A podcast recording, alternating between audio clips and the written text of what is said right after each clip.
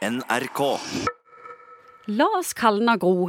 Gro sliter med overvekt og stadig fått høre at du må slutte å smugspise, for du må ned i vekt, sier legen. Men Gro har prøvd alt uten at det hjelper. Og så viser det seg til slutt at fettet som ikke ville vekk, det var en sykdom. Morten Munkvik, vi skal snakke om lipødem. Lipødem, Ja, jeg ville sagt lipødem.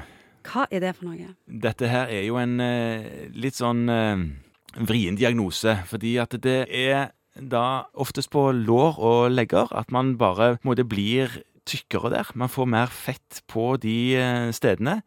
Kan òg komme på armene, men eh, man vet ikke hvorfor dette skjer. Antagelig så er det en arvelig faktor, at man på en måte arver en eller annen disponering for å få fett anlagt på disse stedene. Og så bare var man slank og holdt på å si normal, og så går det litt tid, og så kommer man eh, opp i 20-30-årene, så får man mer fett på disse stedene. Og så er det nesten umulig å få vekk. De må ha følt seg så misforståtte. Ja, det vil jeg tro. Og så er det jo òg en litt sånn Fortvilt følelse. Ja, øhm, det, det tror jeg på. At øh, veldig mange som prøver alt de kan å gå ned i vekt, og egentlig er slanke og normale og ser til alt som det, de er bare rett og slett fettete på, på beinene, eh, så får de jo ikke vekk dette fettet fordi at det er en genetisk bestemt eh, fettansamling du har der. Er denne diagnosen anerkjent i Norge nå? Han er anerkjent, det er han jo. Man kan ta ultralyd og finne ut at det der er holdt på å si, for mye fett på de stedene man leter etter det.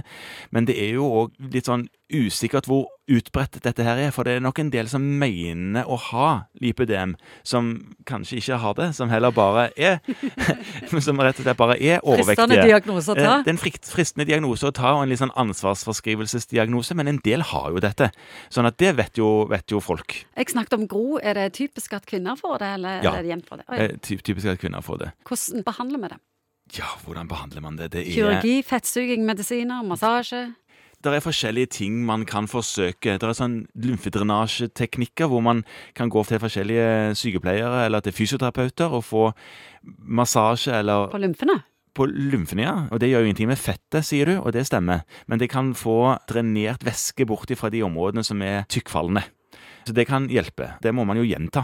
Sant? Så man må gå tilbake til denne typen behandling over tid. Så lipødem det er en kronisk sykdom som må behandles livet ut, på en måte, med lymfemassasje og Det er vel òg nye teknikker nå for fettsuging. Det kan hjelpe. Men problemet er at det kan komme tilbake igjen dette fettet som du får sugd bort med sånne mikroteknikker som er noe som er mindre drastiske enn fettsuging kanskje var tidligere. Det går an å gjøre noe med dette her, men, eh, men jeg tror det er viktig kanskje bare har ha sagt at det, det finnes, og at det går an å snakke med legen sin om dette her, om du mistenker at det er det du har, sånn at det går an å få en slags dialog og i alle fall kanskje noe hjelp til plagene. NRK.